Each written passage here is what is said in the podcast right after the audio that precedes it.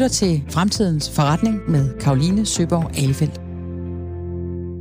Coronakrisen kommer til at ændre vores verden permanent. Vi må indstille os på store forandringer, når det kommer til at handle om vores måde at leve og arbejde på, uddanne vores børn og lede en virksomhed.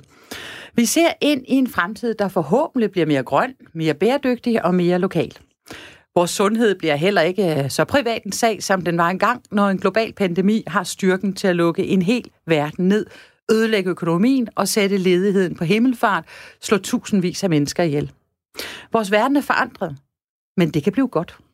Det kan blive rigtig godt, hvis vi gør det rigtigt.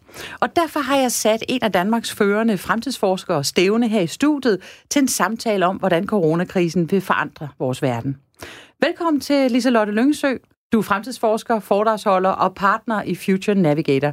Tak fordi du vil være med her i Fremtidens Forretning. Hvornår begyndte du at interessere dig for fremtiden? Tror, at vi alle sammen interesserer os for fremtiden hele tiden, øh, uden at vi nødvendigvis tænker over det. Men når du vælger en uddannelse, når du starter øh, et projekt op med at bygge en bro eller lave et hus, jamen, så skal du have en eller anden holdning til, hvordan tror jeg, den fremtid kommer til at se ud. Og så har jeg jo læst øh, økonomi, politik og, og samfund, og der ligger det jo bare som sådan en, en undertone. Men jeg kom først i gang for alvor i Europakommissionen, hvor jeg arbejdede for Santer, som sagde, at vi kan ikke have en holdning til, hvor EU skal hen. Vi skal lave scenarier, der kan inspirere medlemslandene til at træffe bedre beslutninger. Og hvad er et scenarie? Fordi det ved jeg jo i din værktøjskasse som fremtidsforsker, der er det der med scenarier et, et ret godt værktøj, ikke? Ja, scenarier er, er sindssygt vigtige, specielt hvis der er nogle usikkerheder. Så et scenarie for eksempel bruger vi her under corona til at sige, jamen, øh, kommer vaccinen hurtigt? Kommer den langsomt? Øh, hvis man er øh, på aktiemarkedet, så har man set de der famøse bogstaver. Bliver det et V? Bliver det et W? Bliver det et U? Eller bliver det et L i øh, genopbygningen? Og der kan man så øh, bruge de her scenarier til sådan langsomt at indjustere så, så et af de scenarier, jeg havde, og det var altså Europa 2010 hed projektet, tilbage i 96, der foreså vi Brexit. Og det var ikke så svært, fordi at englænderne var vildt fodslæbende. De havde deres kolonier, et globalt udsyn, og kunne simpelthen ikke forstå, hvorfor de skulle på hold med taberne fra 2. verdenskrig, de der tyskere. Så det var helt naturligt, at de var der for pengenes skyld. Altså, Lisa Lotte, vi skal lige forstå, altså, øh, en ting er at kigge ind i en krystalkugle og tænke, der kan komme Brexit en dag, men et scenarie, måden at arbejde på på den måde, er jo sådan et, øh, en meget struktureret proces, ikke? Det er super kan, vel argumenteret. Ja, kan du fortælle altså, lidt om, bare lige introducere, hvad er, øh, hvad vil det sige at lave et scenarie? Hvordan jamen, gør det er, man? det er en kombination af en masse forskellige trends, øh, så, så man kigger på dem, og altså dengang jeg arbejdede i kommissionen, så var det meget teknokratisk nok, fordi der sad en del franskmænd omkring det her bord, hvor vi besluttede, så det var simpelthen... Øh, To øh, plusser, hvis det var meget sandsynligt, for eksempel, at de her medlemslande ville betale for udvidelse til Østeuropa. Øh, minus, hvis de ikke ville. Og så var det simpelthen mig, der ringede rundt og spurgte dem, både øh, officielt, men også off the record, hvad tænker I? Og det handler jo rigtig meget om at se de spor i den nutid, man er i. Det er ikke en eller anden mystisk øh, måneskib, der lige pludselig lander. Det er at kigge på de små tegn, øh, og så sige, okay, øh, kommer de til at have en transformerende effekt på samfundet, så det flytter noget. Jeg kan måske give dig et, et helt andet eksempel, som, som jeg går sådan og pynser lidt på. Det kunne være ret interessant at høre lytterne. Men når jeg øh, har gået hjemme i den her coronatid, så har jeg set enormt mange fædre med deres børn, for de er jo også blevet sendt hjem. Og nu har vi jo gået og talt om øremærket barsel i rigtig lang tid. Og kunne vi forestille os, at mændene kom mere på banen? Og lige pludselig så har de altså brugt de her øh, 6-7 uger med deres børn, og spørgsmålet er, om de vil slippe øh, den luksus, der er at bruge tid med børn i deres vågne timer. Fantastisk. Så det, du siger, det er, at du som fremtidsforsker noterer dig det her og tænker, når vi nu skal til at tale om delt øh, øh barselsårlov igen, så kan der også være, der kommer et tryk fra alle de fædre, som faktisk har fundet ud af, hvor vidunderligt det er at tilbringe mere tid med deres små børn. Netop. Og det kan jo så være grundlaget for at lave et, et nyt scenarie i forhold til, til ligestilling på arbejdsmarkedet. Så det er en masse små tegn, og det er jo ikke et enkelt trends, men det er mange forskellige trends. Og nu skal jeg jo lige, fordi den var jo lidt spændende med den der 1906 96 og Brexit, øh, og det er selvfølgelig længe siden, Liselotte, men, men kan du huske, hvad det var, der gjorde, at I dengang ligesom kunne forudse Brexit? Jamen det var det der med, at de havde deres kolonier, de var enormt fodslæbende, de havde rigtig svært med at overhovedet finde argumenterne for at være med i det der europæiske projekt, fordi de egentlig synes de var aktivt globalt projekt. Så der sagde vi, at hvis vi skal have dem til at hænge fast i det europæiske projekt, så er der nødt til at skabes noget idealisme omkring det, som vi nu ser fra, fra Macron og Merkel, der taler om den her øh, Marshall Aid hjælpepakke, som man bør sætte i gang i Europa, hvor at man øh, tror på, at det er en god investering at investere ud over øh, sig selv. Men det følte englænderne allerede, de gjorde med deres kolonier og sådan nogle ting på det tidspunkt. Så, så det var svært at finde argumenterne. Og det, der er pointen her, det er jo, når man laver sådan et scenarie, så skal man jo ikke læne sig tilbage og sige, I told you so. Altså, jeg sagde det jo. Øh, man, skal, man skal jo bruge det proaktivt. Det skal ikke være et, et, et stillbillede. Det skal, være, det skal være en film. Og der går man hele tiden og korrekser og retter. Så et scenarie, det er egentlig bare nogle forskellige fremtider, som man så hele tiden justerer, sådan så de passer bedre ind i de spor, man så ser lige nu. De ændrer sig løbende og hele tiden. En fantastisk måde at blive introduceret til, øh, til måden at arbejde på som fremtidsforsker, og det skal vi dykke meget mere ned i. Lad os hoppe ind i nutiden. Øh, nu, nu nævnte du det her med fædrene og deres børn.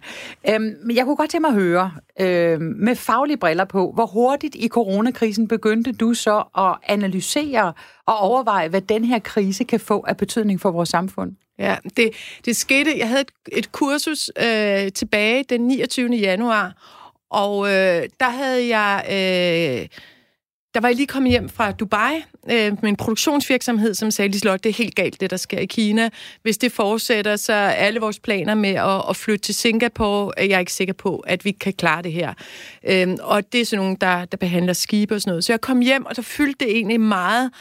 Og så øh, lavede jeg de her to billeder øh, til mine kursister. Det ene var det billede, jeg ved ikke, om du kan huske det, men i Jyllandsposten, så havde man lavet det her flag, der, til, kinesiske flag, der forestillede øh, coronavirusen. coronavirusen.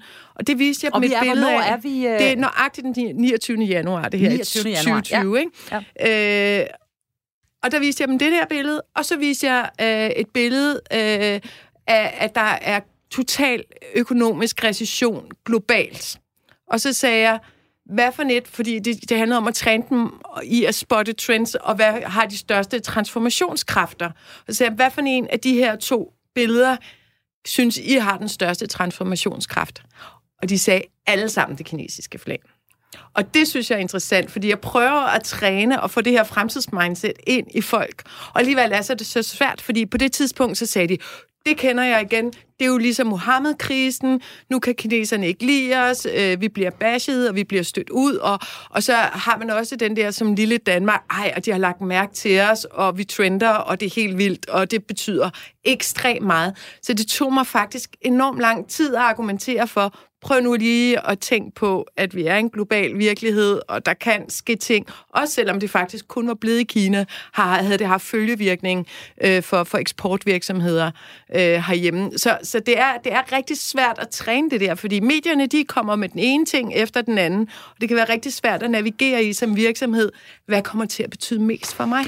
Ja, og jeg tænker, at nu spørger jeg dig, øh, øh, medierne har det jo, og nu er vi jo selv medierne her i, i studiet her hos øh, Radio 4, men, men øh, øh, medierne som sådan har det jo med at sætte billederne op, øh, ofte som skræmmebilleder, eller noget, der provokerer vores øh, sådan et, et angstfænomen osv.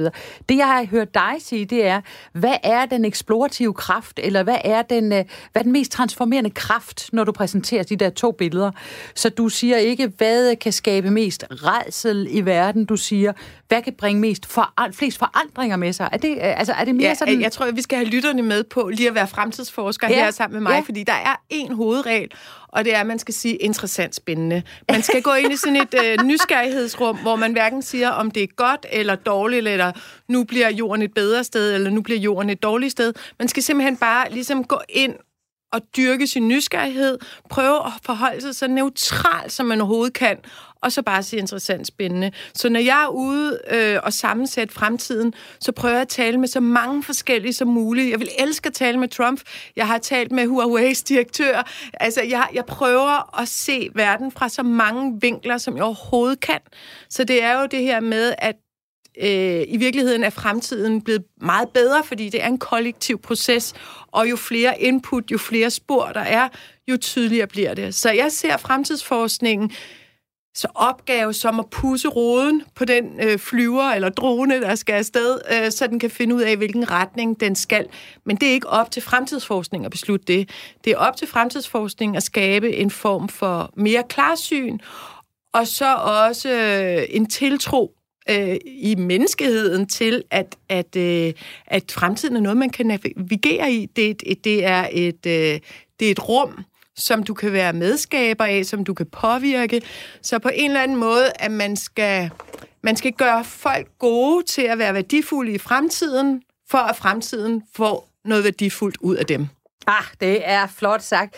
Uh, Liselotte, uh, fremtidsforskningen som, som vinduespusser, den synes jeg også lige var god. Også for at lige at komme ned på jorden igen, fordi uh, for mange kan det sikkert lyde uh, fremtidsforskning. Mange vil forske i noget, der ikke findes. Det gør men, det hele tiden. Men det der, det er et super uh, billede, det der med, at vi pusser roden, så du lidt selv klarere kan se den fremtid, som jo er på vej og som vi kører ind i. Og interessant spændende er også en herlig reaktion, fordi det du siger, det er, at du ikke værdilader som medierne for eksempel gør, du, øh, du er hjælper med at folde ud. Ja, bare lige for at gøre det helt tydeligt for lytterne. Hvem er det så typisk, der ringer til dig for at få øh, hjælp med fremtidsforskning? Hvem er det, der har brug for, øh, for dine og jeres evner? Åh, oh, jeg er i gang med et vildt fedt projekt for nogen, der har det rigtig svært lige nu. Øh, kultur. Øh, kultursektoren. Kultursektoren, ja. så dem er jeg i gang med at designe en øh, stor workshop for i næste uge. Og det er godt nok hårdt, fordi at vi finder ud af, at det er de store grupper, øh, som supersprederne kan komme til at sprede det her corona i, og hvad gør man så? Og der synes jeg, at det er super fedt. En, en af, af, af mine kunder, han, vi har så talt om, at nu åbner de hele sommeren her for en masse kulturarrangementer, for de kan jo få alle stjernesangerne ud, for de har jo fået deres festival aflyst. Så de øh, kommer jo gerne øh, lokalpatriotisk og få sat gang i sommerlivet. Vi har alle sammen staycation, så det kan være, at, at vi får demokratiseret og udvidet kulturen i nogle helt andre kringelkroge, end vi har gjort ellers. Så nogle gange behøver det ikke at være så langt væk igen. Noget andet, der sker, det er, at, at nogle af de her kulturpersonligheder, som ellers drøner rundt og hopper fra scene til scene, de mødes nu. De jammer online. Globalt mødes de øh, i sådan nogle talentcamps og udvikler nogle sange og nogle formater og nogle stykker, som er helt vildt. Så er der det med, at vi en masse ting, vi ikke kan mere. X-faktor, det elskede vi. Vi kan ikke holde det ud længere. Det er så før corona. Lige pludselig så lukker man sådan kulturelt ned over for de strømninger, og så er det øh, fællessang hver for sig, der rammer et eller andet helt dybt i os og lige pludselig er kulturscenen bare rykket. Så de står altså også overfor at have haft nogle programmer og nogle virkeligheder, som lige pludselig ikke matcher overens med den fremtid, som vi alle sammen står overfor. Så der er noget før og efter kultur. Og der er handler det om, at de alle sammen medbringer de trends, som de oplever, og så samskaber vi nogle fremtidsbilleder og scenarier for dem. Så ja, det er bare for at gøre det helt konkret. Ja, men det er, øh, det er super spændende at, at, at høre. Øhm, Lise Lotte Lyngsø, øh, fremtidsforsker. Øh, vi er jo ved at være tilbage her i vores øh, normale setup i studiet. Du står øh, halvanden meter fra mig. Jeg tror, vi er nogenlunde konforme med den øh, gældende lovgivning her.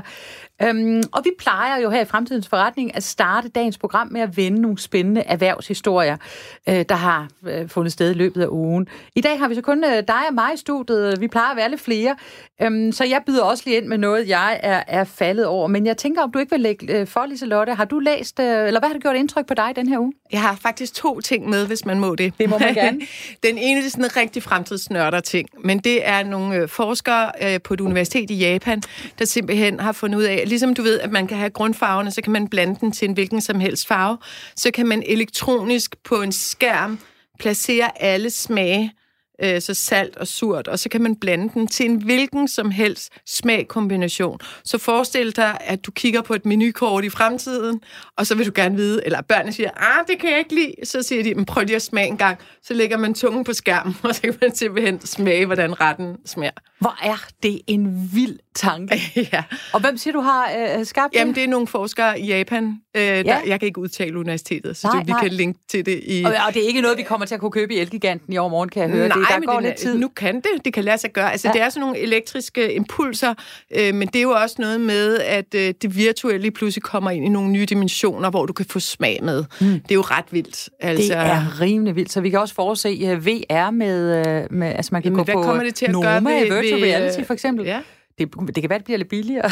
Der er jo allerede noget kunstig intelligens, der er ude i at, at kende vores smag nok til at kunne lave nogle retter, verden ikke har set før. Ja. Men hvis det så også kombineres med, at man faktisk lige kan smage her. Ja, det er jo igen det med fremtidsforskning. Så er der den her teknologi, men den er først interessant, når man har sagt, og hvad så, og hvad så, og hvad, og hvad så? Kan vi bruge den så til? jeg vil sige, at, at fremtidsforskning, det er en halv del videnskab og en halv del kunst, altså visualiseringsevne, forestillingsevne. Ja, innovationsevne. Hvor, hvor ja. ligger forretningsmulighederne her? Øhm, så, så der hører jeg også gerne fra lytterne. Det lyder godt. Um, Liselotte, det var en god, uh, interessant nyhed, og du sagde, du havde en til? Må jeg få en til? Ja, men den anden, den øh, er fra Accenture, som er gået i gang med at lave øh, jobsamtaler i virtual reality. Og den starter allerede med, at du vælger din avatar, hvordan skal du se ud, og så ved jeg ikke, om der er nogen, der kender det der escape room, hvor man er inde og skal løse nogle gåder og sådan noget. Men det er lidt det, det handler om. Og så handler det både om, hvad er det for nogle gåder, du vælger at løse, og hvordan gør du det. Øh, og det er de blevet simpelthen så glade for, at de regner med, at det er helt klart øh, noget, vi skal fortsætte med, fordi der er en anden ærlighed i det, og folk får lov til at vise mange forskellige sider af sig selv. Og øh, så så jeg, at det også bliver brugt til øh, for eksempel adoptionsfamilier. De får simpelthen lov til i virtual reality at se nogle af de der helt forfærdelige ting, børn har været udsat for af misbrug og vold. Og, så hvis du skal være plejefamilie, jamen har du overhovedet... Altså, hvordan, hvordan reagerer du, når du ser de der ting? og vil du kunne være en god omsorgsgiver bagefter. Måske også for at give den der forståelse til det barn, der skal hjem hos dig. Så også øh, et meget stærkt middel. Og der, der kigger jeg meget på, hvad gør det ved vores empatiske muskel, at vi kan begynde at træde ind i hinandens liv på den måde vanvittigt spændende, Liselotte. Øh, det er to øh, nyheder, som jeg overhovedet ikke har samlet op i løbet af ugen. Nu bliver jeg meget nysgerrig på, hvad er dit uh, newsfeed? altså, hvordan, hvor, hvor, hvor støver du den slags? Kan du give lidt oplysninger til, til lytterne her, om, om hvor det, de skal gå hen for at komme ind i det samme news, den ny, samme nyhedsstrøm, som du er inde i? Altså, jeg, jeg har jo Google Alert på nogle af de nøgleord, som, som jeg interesserer og mig Google for. Google Alert er simpelthen... Og Google Alert, det er simpelthen bare at gå ind, skriv Google Alert, og så skriver du nogle øh, søge ting ind, og der får du altså noget grundforskning og nogle, nogle emner, som du ikke ellers ville få. Så er min yndlings øh, nyhedsapp for øjeblikket, det er Curio, og den øh, kører øh, på den måde, at den kuraterer fra alle aviser og ting, ud fra hvad jeg interesserer mig for. Og den har regnet ud, jeg er meget interesseret i trends og fremtid. Så den scanner simpelthen alt, hvad der er af medier, øh, og så kan jeg lytte til det, når jeg cykler og sådan noget. Så den, den er fed. Øh, og ellers øh, lige den der med øh, virtual reality, det er fra Financial Times, som vi abonnerer på. Ja, jamen, øh, det, og som er jo en fantastisk Ja, øh, den er avis. bare god og særlig om mandag. Ja, ja. Ja. øhm, øh, min nyhed ligger et andet sted, fordi jeg synes øh, simpelthen ikke, da jeg skulle forberede mig til øh, programmet her, jeg kunne komme udenom, øh, hvad der sker med øh, Black Lives Matter og øh, øh, hvad skal man sige, de voldsomme demonstrationer, øh, der foregår over hele verden, som følge af George Floyds øh, øh, øh, drab her i, øh, i sidste uge. Øhm, og, øh, og jeg vil bare lige spørge, øh, hvad, gør det, øh, hvad gør det ved dig, når, når sådan noget sker her? Altså, øh, hvad, hvad tænker du? Altså, jeg har jo øh, jeg har lige siddet med en masse amerikanere faktisk i mandags, og de fylder en, enormt meget, både fordi, at øh, det handler om, bliver Trump valgt, bliver han ikke valgt, øh, og i det hele taget den globale økonomi øh, kan bryde fuldstændig sammen, hvis øh, det her bryder ud. Og der er jo en, en total skævvridning, både øh, race, men også hvem bliver smittet med corona, øh, og økonomien er i frit fald, og arbejdsløsheden er på vej op, og hvis der så ikke er den der sammenbindingskraft. Og det, jeg sådan bliver meget inspireret af, det er faktisk øh, influencerne øh, på TikTok, og de andre, de er simpelthen øh, alle sammen postet den her Black Lives Matters. Så der er en kæmpe øh, græsrodskultur, og jeg oplever også, øh, jeg lavede en podcast for nogen, der hedder Også i Media. Øh, ham, der har det, han er, han er sort, og han siger også, jeg kan ikke bare øh, være reporter længere. Vi er nødt til at gå ind i det her, fordi vi, vi skal redde USA. Så der er, der er sådan en kæmpe redningsaktion i gang, som egentlig er utrolig smuk, øh, som går fuldstændig på tværs af stater og kultur som øh, nogle gange så, så er, er det jo rigtig godt at have en, en, en fælles øh, fjende, som er så oplagt øh, som det her, til faktisk at binde landet sammen. Mm. Så der er, der er to scenarier. Enten så ryger det helt fra hinanden, eller også så øh, kan de bruge det her, og specielt den unge generation, Altså min datter på 10 år følger de her influencers, som siger Black Lives Matter, og går og taler om racisme nu. Det, tager, det viser lidt om, hvordan øh, de her diskussioner altså også er grænseoverskridende. Du tager den op. Øh, så, så vi får alle sammen en øh, stillingtagen til racisme her nu. Ja. Jamen altså, jeg, jeg gik på Instagram i går, og, og mit feed bestod kun af sorte billeder. Det, det, det tror jeg ikke er sket før. Og så var det var den ene ting, jeg lagde mærke til, og den anden ting var, at Kylie Jenner, som altså er en del af den der Kardashian-familie, øh, blev shamed, altså skammet ud for ikke at have været inde og, og smide sådan et sort billede på, øh, på Instagram. Så, så jeg tænkte også, der er en ny tendens til, at øh, de der øh, influencers, som vi kalder dem, øh, de der socialites på de sociale medier, også bliver afkrævet politisk stillingtagen. Er det også en trend, du ser? I højeste grad. Øh, det er jo hele den der identitetspolitik, som vi også har set herhjemme med, med væver, og, og det er sexistisk. Og, så, så der er en, en helt trend i gang med det. Og, og, og som fremtidsforsker kan jeg jo også øh, se med den bog, øh, jeg lige har udgivet med nogle andre fremtidsforskere, det er meget svært at blive den neutrale objektive, når man føler, at hele landet er ved at brænde sammen. Og nu skal jeg også sige, at jeg går ikke altid og siger interessant spændende. Jeg er også mor til fire børn og har stærke holdninger til opdragelse og hvad der er godt og skidt i mit liv. Jeg siger bare, at når jeg er fremtidsforsker, så beholder jeg mig objektivt. Netop fordi, at tingene bliver så farvet øh, for øjeblikket, og man skal hele tiden tage stilling til det ene og det andet. Og det kan også give os skyklapper på, og det er en farlig udvikling. Det er en farlig udvikling. Uh, tak, Lotte, og tak fordi du også lige lavede en cliffhanger til uh, en af vores næste diskussioner, nemlig at du er bogaktuel. The coronavirus is spreading faster and faster every day. And now the Chinese government is working overtime to stop it. Breaking news about the deadly coronavirus. Just today, more cases were confirmed here in the U.S., bringing the total number to at least five. The virus is now spreading faster. So far, it's killed at least 81 people in China. More than 2,700 others have been infected across 13 countries.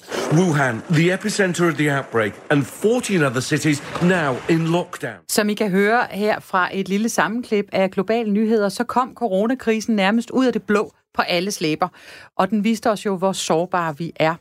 Virksomheden er sårbare over for deres globale forsyningskæder. Hvad der sker på et madmarked i Wuhan, kan lynhurtigt skabe udgangsforbud i Paris og lamme store dele af Italien og den europæiske økonomi. Måden vi tænker politik, arbejdsmarked, uddannelse, sundhed og økonomi på er blevet kastet op i luften. Og vi kan selvfølgelig godt bare gå tilbage og gøre tingene, som vi altid har gjort. Men det ville også være både dumt og visionsløst og kedeligt. Så øh, nu er Fremtidens Forretning jo et radioprogram, der kigger ind i fremtiden med glubende optimisme, og også realisme, men med en stærk iværksætterkraft. Hvordan kan vi gøre morgendagen bedre i dag? Øh, eller undskyld, hvordan kan vi gøre morgendagen bedre end dagen i går? Og hvordan kan vi vende denne her menneskelige og økonomiske krise til noget godt? Hvordan kan vi tjene penge på at skabe en bæredygtig fremtid? Og det skal vi tale lidt mere om nu sammen med fremtidsforsker og foredragsholder Liselotte Lyngsø, som er med mig i studiet. Liselotte, du har, som du også lige nævnte for et øjeblik siden, skrevet et kapitel i en ny bog, der hedder Aftershocks and Opportunities, Scenarios for Post-Pandemic Future, som altså betyder efterchok og muligheder, scenarier for en øh, fremtid efter pandemien. Den er ikke udkommet endnu, men det gør den snart. Hvornår helt præcist? Den 21. juni, men vi havde altså sådan en pre-launch, og jeg tror faktisk, man kan få den som, som e, altså sådan en pdf-bog, e-bog, allerede nu, hvis man, hvis man søger på den. Men den sendes fra, fra Amazon fra, fra den 21. Fra den 21. juni. Du har medvirket den bog sammen med andre førende fremtidsforskere, hvor I giver jeres bud på, hvordan coronakrisen kommer til at ændre verden. Jeg synes, det er fantastisk. I er virkelig hurtige, det må jeg sige. Der var nogen, der fik en god idé der og kom hurtigt i gang. Kan du fortælle øh, lidt om, hvordan øh, du gik til opgaven? Øh, hvad kiggede du på? Fordi øh, selvfølgelig er det dit faglige lod i livet at kigge ind i fremtiden, men det må alligevel være både øh, meget interessant og en lille smule angstprovokerende at analysere noget, der er så nyt og som stadig sker. Hvordan gik du til opgaven? Jeg gik på, til opgaven på den måde, at øh, jeg prøvede at kigge på, hvad er de store trends, som rammer næsten alle lande, om det er Indien eller Danmark. Øh, så, og hvad, hvad kunne blive de blivende konsekvenser, når jeg som fremtidsforsker skal kigge efter de blivende konsekvenser, så kigger jeg blandt andet efter, hvor er idéflået højst, øh, hvor sker der noget rent teknologisk, øh, og øh, ja, hvad var den sidste ting? Jeg havde lige tre her. Nå, den kommer til mig. Øh, men men, men øh, det er den der med, med transformationskraften igen. Øh, og øh, og der, der slog jeg ned på nogle forskellige områder. Øh, vores sundhed, som jo er et givet for os alle sammen. Øh, måden, at vi tracker på, specielt i Asien, fra at det har været et privat anlæggende, til det bliver et super offentligt anlæggende. Og så, nå jo, den sidste ting, jeg ville tale om, det var dogenskab. Hvad gør livet lettere for os? Altså, hvis det gør livet lettere for os og Så bedre for os. Ja. så er der penge i det, og vi bliver glade for det. Mm-hmm. Så det var derfor, det, var, det er en vigtig en at kigge mm-hmm. efter. Altid dogenskab, make mm-hmm. it easier. Øh, og, øh, og selvfølgelig er det meningsfuldt for os, værdifuldt for os. Hvad er mere værdifuldt for dig, end øh, at, at passe på din sundhed? Lige pludselig så er det helt legitimt at tale om. Det kommer i første række, og det ved vi jo egentlig godt, at det først den dag, vi bliver syge, at vi tænker, Gud, alt andet er jo faktisk fuldstændig ligegyldigt. Så det kom op som prioritet nummer et. Og det øh, var der rigtig mange aktører derude fra i virksomhederne, der har gået og ventet på som en anden racehest. Hvornår øh, handler det om det her med forebyggelse? Hvordan kan vi gå fra indlæggelse til hjemlæggelse? Altså det her med, at folk for eksempel har måske fem forskellige kroniske sygdomme sammen, samtidig, så hvordan kan vi ligesom gå ind og lave en mere helhedsorienteret og, øh, og der er nogle af de her teknologier, der er kommet, de har været sindssygt gode. I Singapore for eksempel, 40 procent af dem, der er blevet testet, de har ikke selv bedt om at blive testet. De har simpelthen fået banket på døren af myndighederne og sagt, vi kan forudsige, at øh, du har været i berøring med sådan og sådan, du trænger til en test. Tænk, hvis vi fik øh, den proaktivitet i forhold til vores idræt, i forhold til vores fødevarer. Vi kan se, at du har spist lidt hvor mange røde bøffer i denne her uge, Karoline. Så det kan være, at du lige skulle skrue lidt ned for det, både hvis du mener det med klimaet og din egen sundhed. Øh, det, det synes jeg jo lyder enormt spændende. Det er jo også en lille smule grænseoverskridende, ikke? Altså, hvad, hvad tænker du om det? Hvornår går vi ind og blander os for meget i folks privatliv? Vi har jo altid haft det med rygning. Vi, vi kan jo prøve at kigge, fordi jeg tænker nogle gange, så når vi kigger på fremtiden, så kan det jo også være meget interessant at kigge lidt på fortiden. Øhm, og jeg kan da huske øh, i tidernes morgen, da jeg selv var øh, ryger, ja, sådan en har jeg også været, jeg indrømmer det. Det har jeg også. Ja, det har du også, det er godt. Øhm, øh, og øh, omkring årtusindskiftet arbejdede jeg meget i Stockholm, og der var der jo øh, altså rygeforbud. Det var der ikke i Danmark endnu. Vi sad stadigvæk på kontoret og røg. Så kommer man til Stockholm, og så bliver man gennet udenfor og skal ryge. Og jeg kan huske, jeg synes, det var vildt provokerende at være sådan en outcast. Øh, og du ved, tænkte, hvad, hvad skal man, hvorfor skal de blande sig til meget i min sundhed? Det er vel mit liv. Nå, nu skal vi ikke tale rygning, men vi skal for eksempel tale øh, øh, bøffer, eller vi skal tale idræt. Altså, hvis nogen kommer og ringer på min dør og siger, Karoline, nu har du ligget lidt for meget på sofaen og set øh, øh Netflix, eller Masterclass, eller hvad det nu er, jeg har lavet. Øhm, vi synes, du skal komme ud og bevæge dig. Er det ikke øh, grænseoverskridende? Altså, det startede faktisk lidt ved, at, øh, at øh, man i New Zealand begyndte at sige, at vi skal ikke kun måle på BNP, vi skal måle på trivselsregnskabet. Hvordan har folk det egentlig? Og nu har vi så mange datapunkter, der viser, at hvis du har det psykisk helt af HT, jamen så får du sjovt nok ikke noget job. Du får heller ikke nogen venner, og du har ikke energi til at tage aktiv del i samfundet. Så det kunne godt være, at vi skulle begynde at se på for eksempel psykisk velvære som en investering frem for en udgift. Fordi hvis vi sætter ind lige nøjagtigt der, over for dem, der har det skidt, jamen så bonger det bare ud i alle de ting, vi gerne vil have i samfundet, med aktive borgere, der bidrager og er glade og, og deltager med andre. Så, så det er lidt, at vi har, vi har gået og haft nogle meget snævre målinger på, hvordan vi havde det, og på samme måde, jamen vi har jo haft mange skatteindtægter fra to, øh, tobaksindustrien, og lige pludselig så måler man bare på, okay, det er altså rygerne, der er rigtig lang tid om at dø, og de dør smertefuldt. Det koster sundhedssystemet. Og lige det her med øh, den her virus, den har jo så betydet, at det er jo ikke ligegyldigt, at du sidder og hoster, fordi hvis du sidder på række 23 i flyveren, jamen, så kommer det altså op til mig på række 19. Så det er i allerhøjeste grad et globalt sundhedsproblem, og vi er ikke stærkere end det svageste led, og derfor er der et argument for, at man begynder at monitorere. Den er jeg helt med på, øh, særligt fordi nu vælger, det her det er jo et teknokratisk synspunkt. Det er altså ud fra et økonomisk synspunkt, ud fra en, en normativ betragtning Også trivsel. Ja, men, men hvis trivsel, fordi det er vel mig, der bestemmer, hvad der er godt for mig. Øhm, og øh, hvis jeg har lyst til, nu er jeg vegetar, men hvis jeg havde lyst til at spise røde bøffer hver aften, fordi jeg synes, det smagte godt, er det så ikke min beslutning? Og de der røde bøffer, jeg smager, de har jo ikke nogen konsekvens for, hvad du spiser, og de når ikke op på række 19 i flyvemaskinen og kan smitte nogen andre, hvis du forstår, hvad jeg mener. Det er altså noget, der har med mig at gøre. Så, så hvor går grænsen? Sådan den der, jeg tænker, det, må, det er jo også et dødspændende, enormt interessant, at vi både på en og samme tid er flokdyr, og samtidig er vi også individualister, der skal have en fornemmelse af, at mit liv ikke bare skal følge en formel, hvor der er grænser for, hvad jeg må og hvad jeg ikke må. Jo, jeg skal være lovlydig, men må jeg ikke selv bestemme, hvad jeg har lyst til at gøre? Om jeg skal ligge på sofaen, eller om jeg skal være idrætsudøver? Og det er der, at vi bruger scenarier af fremtidsforskning for at sige interessant, spændende. og øh, vi kan se i Asien, jamen så er det i høj grad fællesskabet, der ligger øh, til vægt for beslutningerne. Hvis du tager USA, så er det i høj grad, øh, hvad vi selv klikker på af kommersielle kræfter, og så har vi så en helt unik øh, velfærdsstatsanordning herhjemme, og hvor vi taler om databeskyttelse i EU, som så viser en tredje vej. Så det er tre super spændende scenarier.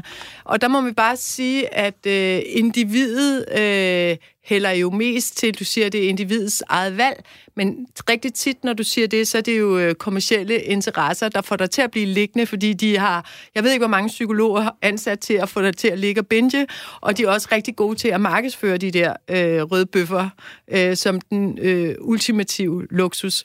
Så, så der er, der er, altså det er igen det der øh, interessante spørgsmål om, hvad er det for nogle rammer, vi sætter, hvad skal være lettest øh, som samfund. Og der skal vi helt klart øh, ikke læne os tilbage og lade os pacificere. Der skal vi selv som borgere, der skal du ud og være medskaber af, hvordan synes jeg, min fremtid skal skabes, og hvilke virksomheder vil jeg være med til at understøtte, og hvilke regelsæt. Men man skal bare være åben over for, at der er hele spektrummet på vej lige nu. Og det bliver super spændende at se, øh, hvad det så er for nogle lande, der kommer til at trives. Jeg mødte en portugiser, han havde øh, været i Kina, havde mistet sin punkt i toget. Den blev afleveret til ham efter en halv time på hotellet. Han sagde, mm. det var bare aldrig sket i Portugal. Nej, der men du ved godt, hvorfor det der sker igen. i Kina, ikke? Jo, jo, det ja, er jo altså, sociale point. Sige, det har jo, øh, der, er jo, øh, yes. øh, der er jo ligesom en, en form for undertrykkelse yes. der, som vi andre vel egentlig ikke som demokrater bryder os om. Vel? Ja, altså, øh, så effektivitet øh, slår vel ikke øh, demokratisk frihed, gør det? Interessant, spændende. Det, øh, ja. Ja, ja. og det, altså, der, der er forskellige styreformer. Du kan så argumentere, at i øh, den vestlige del af verden, jamen, der er rigtig mange ældre, og vi har en demokratisk styreform. Øh, så det er jo ikke for sjov, at der nu er nogle ungdomsgrupper, der siger, at vi skal sænke alderen for stemmeret, og vi skal lave en maksimumgrænse, så, så når vi fylder 80, så må vi ikke stemme længere. Altså, så der er også øh, noget demografi der, som kan gå ind og skubbe til det, vi kalder demokrati.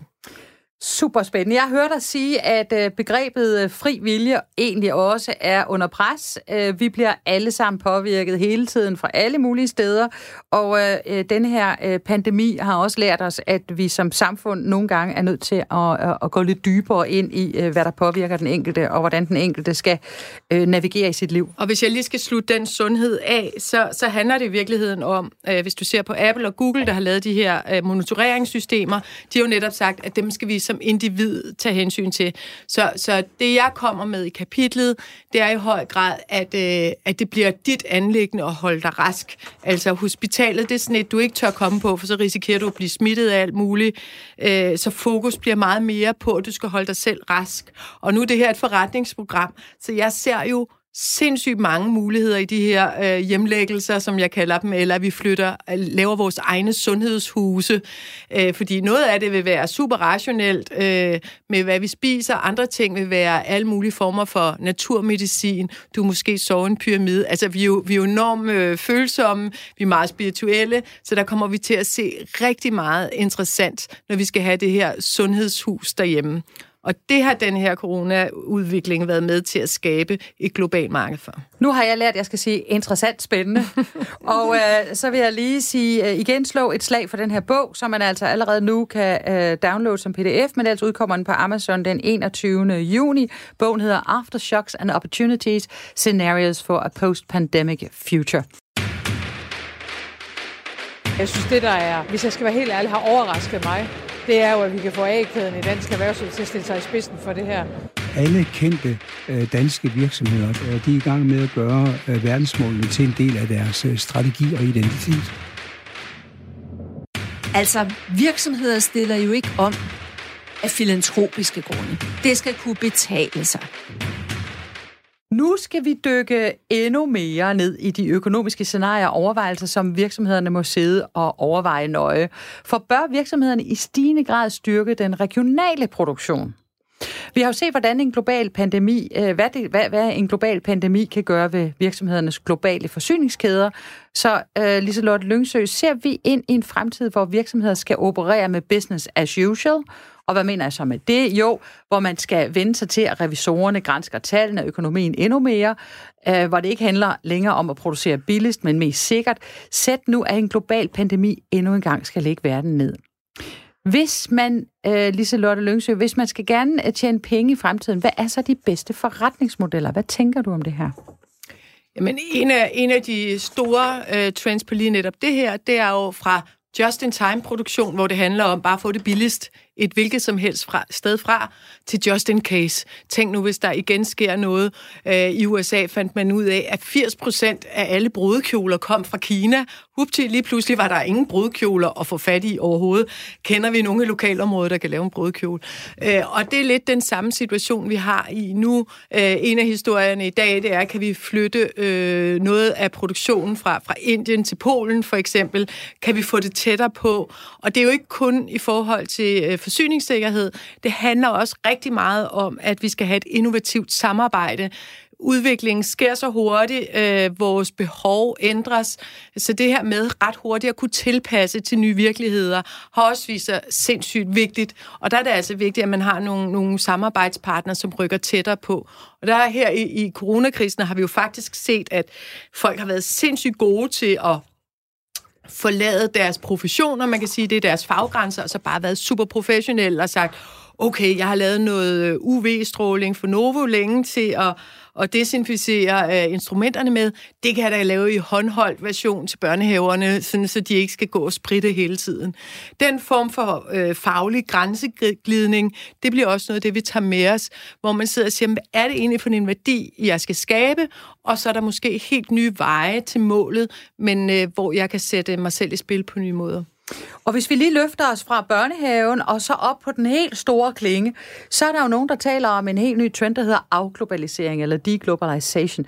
Sådan så, at man kan sige, at det der er handlet om de sidste mange årtier har jo været globalisering, global arbejdsdeling, vi tænker nogle tanker her i Europa, vi får det produceret ud i Asien, det bliver shippet tilbage igen og solgt og forbrugt i, i Vesten, og nu stigende grad også i Asien. Men øhm, øh, ser du, at vi kommer til at hjemtage mere og mere produktion? Ja, men specielt øh, på grund af, af den der innovationsmuskel. Og man kan sige, i det øjeblik, at, øh, at den kan klares globalt, og, og ja, i starten af programmet sagde jeg jo netop det her med kulturen, at der mødes man så globalt med aktører. Så, så, så det, er, det er egentlig en global udvikling, fordi man skal tænke... Global, global. altså både globalt det skal og lokalt samtidig. Det skal ja. eksekveres lokalt, men det skal tænkes øh, globalt. Altså det skal tænkes i skala altså den, den første altså vaccine for eksempel, den kommer jo kun, hvis alle forskere i hele verden samarbejder. Også de kinesiske forskere øh, samarbejder vi med. Ikke? Så, så jo mere åben du er, jo mere øh, idéudveksling der er, jo hurtigere kommer fremtiden. Jeg kigger altid, når jeg skal forstå, hvornår fremtiden kommer. Er der, er der et stort idéflow? Hvis der er det, så kommer den langt hurtigere, end hvis man sidder og lukker om sig selv. Så jeg at lukke om sig selv, det er jo også sådan en, en angstreaktion, hvor man går i flyverskjul. Det svarer lidt til at købe gær, ikke? Altså, det er øh, måske ikke det mest rationelle på sigt, så, så i en, en periode her, så vil vi gøre rigtig meget for at købe lokalt, orientere os lokalt, vi får noget lokal patriotisme, vi har lukket grænserne, men øh, det giver ikke mening andet end, at i hvert fald øh, på i vidensdelingsniveau øh, at åbne op. Men på øh, produktionsniveau kan det jo sagtens give mening at hjemtage produktion, fordi nu er der så mange robotter, og det er jo noget af det, vi er rigtig dygtige til i Danmark, det er jo øh, udvikling af, af robotter. Øhm. Og vi får 3D, som er med til at argumentere for netop det scenarie, at vi faktisk kan øh, levere en masse ting lokalt. Så alle de her øh, lange øh, rejser, men nu, nu kommer du ind på klimaet, og det synes jeg også er et, et super vigtigt argument i, øh, i det her scenarie, at, at vi selvfølgelig skal spare øh, vores CO2-aftryk ved at gøre tingene smartere. Så på mange måder er tingene blevet kastet op, og man kan også sige, hvis vi skal i gang med at genopbygge, så er det alt andet lige øh, lettere at genopbygge med flere bundlinjer, hvis man har styr på, hvem de aktører så er, og kan have lidt kontrol med, at de så også leverer på det, de siger. Ja, fordi der er vel et, øh, et, et scenarie, der ligger på den flade hånd, og jeg ved godt, du har tænkt dig at spare spændende, uh, interessant lige om lidt, men nu siger jeg det alligevel. Når du siger uh, uh, fra just in time til just in case, når vi taler om, at uh, nu, nu er vi kommet ind i pandemiens uh, tidsalder, altså when it can happen once, it can happen again. Så Nemlig. vi tænker jo, at corona er vel bare starten på noget nyt. Så skal virksomhederne vel også sikre sig. Så dem, der tidligere har haft uh, outsourcing, som det jo hedder, af produktion til lavt løns lande, fordi det var billigt at producere der, overvejer vel at hjemtage produktionen, gøre det med robotter, der kan arbejde 24-7, øh, arbejde med 3D-print og alle de her nye teknologier, som gør det meget enkelt at omstille produktionen fra at være et par cowboybukser til et andet par cowboybukser, for eksempel. Øhm, øh, er det ikke et meget, øh, hvad skal man sige, øh, klart scenarie at kigge ind i? Jo, og der, der kan man sige, at der har vi på mange måder øh, rykket 10 år ud i fremtiden. Altså, der, der virkelig skal turbo på det her i den her periode. Det er der, investeringerne ryger hen lige nu. Der er totalt turbo på, og det giver rigtig god mening øh, at være lidt mere uafhængig af den menneskelige arbejdskraft, som har vist sig at være meget sårbar. Øh, og hvis vi så oven i det har et politisk øh, turbulent system, som vi ser i USA lige nu, så siger man, jamen så er det vigtigt at holde fast i, i de aktører, vi har. Det, der bliver rigtig interessant, det er, øh, taler vi EU her, eller, eller er vi endnu mindre øh, i vores skala? Og det er altså sådan, at hvis vi skal gøre noget, både for klimaet og øh, skalerbarheden, så skal vi altså ud over de danske grænser. Ja, øh, og hvorfor skal vi det, når det handler om klimaet? Ja, fordi det er grænseoverskridende lige så vel som Vira er. Øh, og øh, hvis vi ikke har et, et globalt marked at, at regne med, og hvis vi ikke øh, løfter i flok, jamen så, så ryger vi i den vildeste nedadgående spiral. Så, så det, giver, det giver rigtig god mening ikke at superoptimere. Sådan. Øhm, Liselotte, øhm, øh, det der med at kigge ind i fremtiden. Øh, både du har fire børn, jeg har, jeg har faktisk også fire, to på gule blader og øh, to øh, af egen avl, som det hedder. Post-corona. Så har jeg seks. Så har du seks. Okay, der slog du mig lige. Vi har børn. Til sammen har vi ti børn. Hvilke værktøjer øh, skal vores børn tilegne sig for at klare sig godt i fremtiden her post-corona? Hvad, hvad vil du råde os forældre til? Og men den helt vildt vigtige skillelinje, som jeg er glad for, at du spørger ind til, det er, øh, at man øh, binger, som du siger, ligger man i sofaen og tænker, åh, oh, hele samfundet er lave, verden er lave, fremtiden kommer så hurtigt, robotterne kommer, de har ikke brug for mennesker mere, øh, vi skal på Universal Basic Income, øh, og det er jo meget borgerløn, borgerløn ja. ikke? Øh, og, og det er meget interessant, øh, at vi har set det, eller sådan en som Piketty, forfatter, der taler meget om social ulighed i samfundet. Han, han ser det som den store løsning, at alle kommer på borgerløn. Og der synes jeg, det er super interessant at have været igennem den her coronatid. For nej, børnene har det ikke særlig godt med bare at være derhjemme, eller forældrene for den sags skyld, ikke at føle, at man aktivt kan bidrage få at vide, at der er nogle andre faggrupper, der er uundværlige, og du er i øvrigt fuldstændig uundværlig, øh, så du kan bare smutte, men vi giver dig en fast løn. Så hvis jeg skal vende tilbage til, hvad børnene skal kunne... Jeg vil, så... jeg vil lige, jeg er lige nødt til at okay. sige, at hvis du spurgte øh, Guy Standing, som er faren til uh, øh, UBI, altså Universal Basic Income, så vil han jo ikke sige, at borgerløn er et instrument, der uh, giver incitament til ledigang. Det vil han ikke sige. Han vil faktisk sige, at det ligger naturligt i alle mennesker, at de gerne vil bidrage. Så borgerløn gør bare det, at det fjerner din grundangst. Det er, og det er forskningsmæssigt også. Jeg vil bare lige for at sige, ja. så, så, og Pikettys uh, tankegang er jo heller ikke, at, uh, at det handler om uh, ledegang. Altså hele hans uh, historiske analyse af det der med Ikke desto mindre så er meget af argumentationen, det er, at det er på grund af automatisering, og vi har ikke uh, den væksttilgang, Øh, men jeg, jeg, jeg køber slet ikke ind på den præmis, øh, fordi jeg tror, vi kommer til at se tilbage på 2020 og tænke, gud, hvor var vi primitivt dengang. Altså, menneskets forventninger stiger langt hurtigere, end, end det vi egentlig kan levere på. Så igen for at vende tilbage til vores børn. Det er så sindssygt vigtigt for dem, at de ikke vokser op i et scenarie, hvor de tror, at de skal på borgerløn, og ja, ja, så får de kreative kræfter til at bidrage, øh, men at de siger, nej, vi har virkelig, virkelig brug for jer. Vi står over for nogle kæmpe klimamæssige udfordringer, vi står over for nogle øh, kæmpe sociale, medmenneskelige, globale udfordringer. Hvor er det dejligt, du vokser op, skat, og hvor er det fantastisk, at du kan bidrage. Og der har vi heldigvis kimen til, til en ungdomsgeneration lige nu, der er YouTuber, de ser, hvordan man laver mad, hvordan man danser, hvordan man mødes, hvordan man skaber bevægelser, og så går de ud selv og gør det. Det er der nogen, der gør. Og der er også nogen, der bare binger og bliver helt pacificeret og tænker, der er ikke plads til mig, jeg passer ikke ind i det her. Og det er jo fordi, at de ikke har lært, at det ikke handler om at passe ind. Det handler om at gå ud og skabe sit eget rum og sin egen værdi. Så jeg synes, at øh, uddannelsessystemet, vi som arbejdspladser har en kæmpe udfordring her, fordi nu taler vi om, at flere og flere kan arbejde hjemmefra. Men det har aldrig været så vigtigt at lave praktikpladser, følgeordninger. De har brug for at se nogle voksne, der agerer, der skaber værdi, der kan finde ud af det her, i stedet for den øh, øh frygt-retorik, øh, der ellers præger billedet. Så øh, det er nok det, jeg vil kigge på som det allermest afgørende investeringspunkt overhovedet i fremtiden, det er at få nogen, der er deltagere, bidrager, øh, frem for en masse, der sidder pacificeret og angst. Jeg kan ikke være mere enig. Altså de der øh, øh, dystopiske billeder, vores børn bliver øh, præsenteret for hele tiden af en klode, der bliver varmere og et... Øh, en verden, der i det hele taget går at lave, er jo ikke særlig animerende for, øh, kan jeg gøre en forskel. Så, så noget af det, der er utopiens kraft, eller ideen om at kunne skabe en bedre verden, er jo også, det animerer os til at gøre noget. Det gør, at man tænker, wow, jeg kan gå ud og bidrage til det her. Så, så jeg er helt med på, at det er, vi skal gå den vej, fordi der er ikke meget øh, kraft i angst.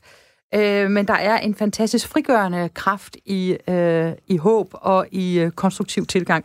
Jeg tror ikke, vi kan være uenige om det. Men jeg kunne rigtig godt tænke mig lige at, put, at putte dig... Nu er du jo bare i radioen, og der, der er jo bare nogen, der sidder og lytter og sådan noget. Så nu gør jeg dig lige til øh, øh uddannelsesminister, eventuelt også statsminister, hvis det er nødvendigt. Det er et kort øjeblik.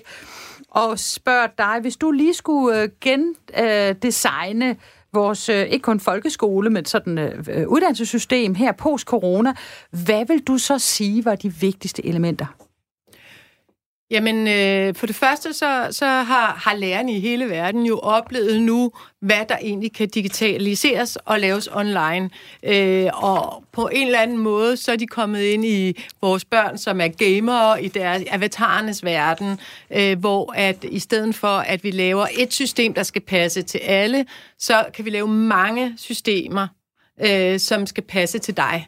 Øh, så one size do not fit all. Og det har nok været det vigtigste overhovedet, at lærerne har fået øh, syn for det, så vi ikke taler om skærmtid og ikke skærmtid. Vi har også fået demokratiseret det at komme til ord, øh, sådan så når der har været de her online undervisninger, så har alle haft taletid, for alle kan kommentere i kommentarsporet. Så der er kommet øh, en masse ind der, som kan frisætte skolen til at arbejde med sociale fællesskaber, med empati, med teambuilding, med at skabe nyt, med at stille spørgsmålene. Så alt det, der hedder udenadslære, det kan faktisk øh, øh, skrumpes ned til nogle øvelser, man laver derhjemme. Øh, og det handler her om matematik og dansk og alle de der øh, faglige ting, som skal på plads. Men der er nogle meget smartere, meget mere individualiserede, adaptive mikrobaserede læringsmetoder til det, og så skal man så frisættes til det, de egentlig laver nu, efter de er kommet tilbage. Cykelture, diskussioner, ekskursioner. Det er så fedt at se alle de unge ude i det offentlige rum, og de diskussioner, der kører lige og nu. Og hvad er det, man Bevægelse. får ud af det? Hvad er det, man får ud for at bevæge sig, diskutere og være Jamen, ude og opleve verden? Hvad er det, det gør ved en? Skaberkraft, og så går vi fra headhunting til teamhunting. En af de ting, der holder vores skaberkraft allermest tilbage, det er, at vi tror, at vi skal klare det hele selv. Men mennesket er ensomt og bange. Vi har brug for hinanden. Og vi har også brug for at sige til os selv, det bliver aldrig perfekt. Vi gør det så godt, vi kan. Men hvis vi finder øh, nogle mennesker, der har de andre brækker til vores puslespil, så kommer vi rigtig langt. Og det handler også om diversitet, for det handler ikke om, at du skal finde nogle brækker, der ligner dig selv. Det handler om, at du skal have sindssygt meget respekt for folk, der ser verden helt anderledes end dig og prioriterer nogle andre ting. Og der er vi tilbage til Floyd og racisme og det hele, at det er ødelæggende for et land, hvis de lever i deres egne lukkede ghettoer. Og der spiller skolen en helt afgørende rolle, fordi det er altså der, at man lærer alle mulige andre mennesker og synspunkter at kende. Tak skal du have, øh, Lise Lotte Lyngsø, øh, fremtidsforsker og øh, foredragsholder. Det er skønt at have dig med i programmet her i dag. Jeg skal, tiden flyver afsted, og der er altså simpelthen flere ting, jeg gerne vil nå at have din kommentar på. Jeg vil selvfølgelig rigtig gerne sætte fokus på den grønne omstilling og klimaet. Når du nu kigger her post-corona, øh, eller jeg ved godt, vi er en medias race eller midt i det, men det, at der nu er kommet sådan en pandemik, hvad tænker du så, det gør ved vores mindset i forhold til grøn omstilling og klima? Kommer der til at være mere food på kedlerne? Øh, det er måske det helt forkerte udtryk at bruge her, men øh, har vi ligesom indset, at vi har fået flere værktøjer i værktøjskassen, når vi kan, for eksempel kan opleve lockdown under corona, vi bliver sendt hjem, der sker en masse ting, som aldrig er sket før i vores levetid. Har vi så også fået flere værktøjer i kassen til at håndtere klimaomstillingen og den grønne omstilling? I virkeligheden så har det jo vist sig, at vi havde mange flere ressourcer fra statens side til at håndtere nogle øh, ting, og hvor man siger, hvorfor blev den prioritering ikke skabt i forhold til den klimakrise, som vi også så, så har vi haft en lang periode, hvor der har været ro og frisk luft og, og fokus på, at vi alle sammen kan få vejret, og hvad for et liv vi vil have. Det er ikke tilfældigt, at der bliver købt sommerhuse som aldrig før. Øh, man tænker, jamen behøver jeg at bo i den der øh, partikelfyldte storby, eller kan jeg egentlig indrette mit liv på en helt anden måde? Vi er ligesom gået fra øh, work-life til life work, hvor det handler om livskvalitet. Det taler for klimaet. Det taler også for klimaet at genopretningspakkerne. De kommer til at køre med regeringen i førersædet, fordi det er trods alt dem, der skal prioritere, hvem er det, der skal have hjælp og ikke have hjælp. Og der øh, må man sige, at sidste valg jo øh, gav mandat til, at klimaet skal ikke glemmes. Så der har de i hvert fald, så kan man så se, om de lever op til det eller ej, men de har et klokkeklart mandat i befolkningen til at sætte klima på dagsordenen.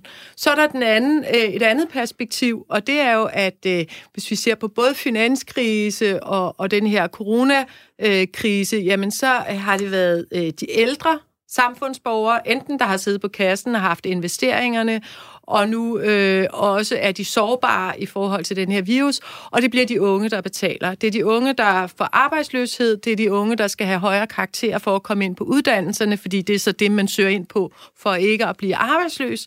Så de ryger i klemmen, og de har klima som fokus. Altså, Greta er ikke glemt.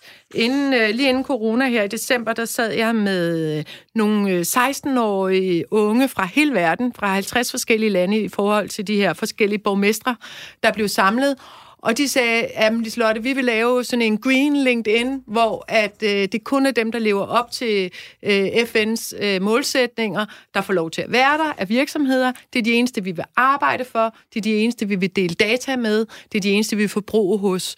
Så de bliver virkelig, virkelig sure, hvis, vi skal være, hvis de skal være der i, i 100 år øh, på et marked, som, som øh, de hvor planeten bryder sammen, fordi de ikke bliver øh, set. Så deres solidaritet og loyalitet er der over for de kriser, der er her og nu, men de rækker altså ikke, hvis øh, der ikke også bliver taget øh, det lange perspektiv på i forhold til dem. Så, så det kloge er at gøre, øh, er også at lave noget genopbygning, som både har, har den kortsigtede, den mediumsigtede og den langsigtede plan på plads fra start, øh, så at, øh, at vi ikke bare tisser i bukserne. Sådan.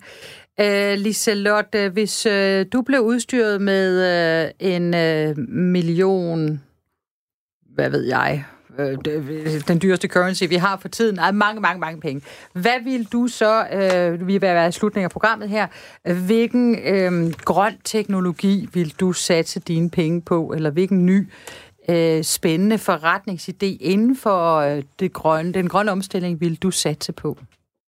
Um, jeg, har, jeg har jo haft sådan en, et langt, langt forløb, øh, blandt andet med Gate 21 omkring samkørsel. Og hvem er nu lige Gate 21? Gate 21, det er nogen, der laver grønne partnerskaber. De ligger i Albertslund, og det er kommuner og virksomheder, Øh, og det er jo blevet sat lidt tilbage her under corona, men i virkeligheden, at det skal være totalt gratis at gå ud og køre med en anden. Så du skal ikke betale noget, for det er rigtig flot, at du bare kører med. Og den øh, innovationskraft, der ville ske, hvis vi mødtes i hinandens biler bare 10 minutter på vej ned til en bus eller et tog, øh, og den afblokkingskraft, der vil ske i forhold til at mindske trængsel i storbyer alle vejene, fordi 97 procent kører i deres egen bil. Det er ikke noget, der kræver nye veje, det er bare noget, der kræver et nyt mindset, så jeg synes simpelthen, det er så enkelt. Så og du det, vil invitere i carsharing, kan jeg høre? Øh, jeg, vil, jeg vil investere i det, og jeg vil investere i at gøre det synligt, fordi nogle gange er nogle af de mest meningsfyldte ting ikke særlig synligt, såsom maddeling eller bildeling, øh, men det er i virkeligheden der, man kan gøre den største forskel.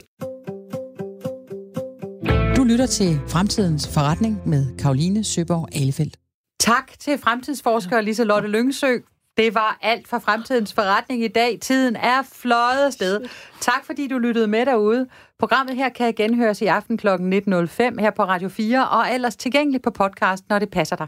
Skriv endelig til os med bud på historier og emner, som du synes, vi skal kigge på. Du kan skrive til fremtidensforretning at radio4.dk. Mit navn er Karoline Søborg Alefeldt, og jeg er tilbage næste torsdag med endnu en udgave af Fremtidens Forretning. I redaktionen er Anna Stribold Rigas og Lene Jul Brun. Tak for i dag.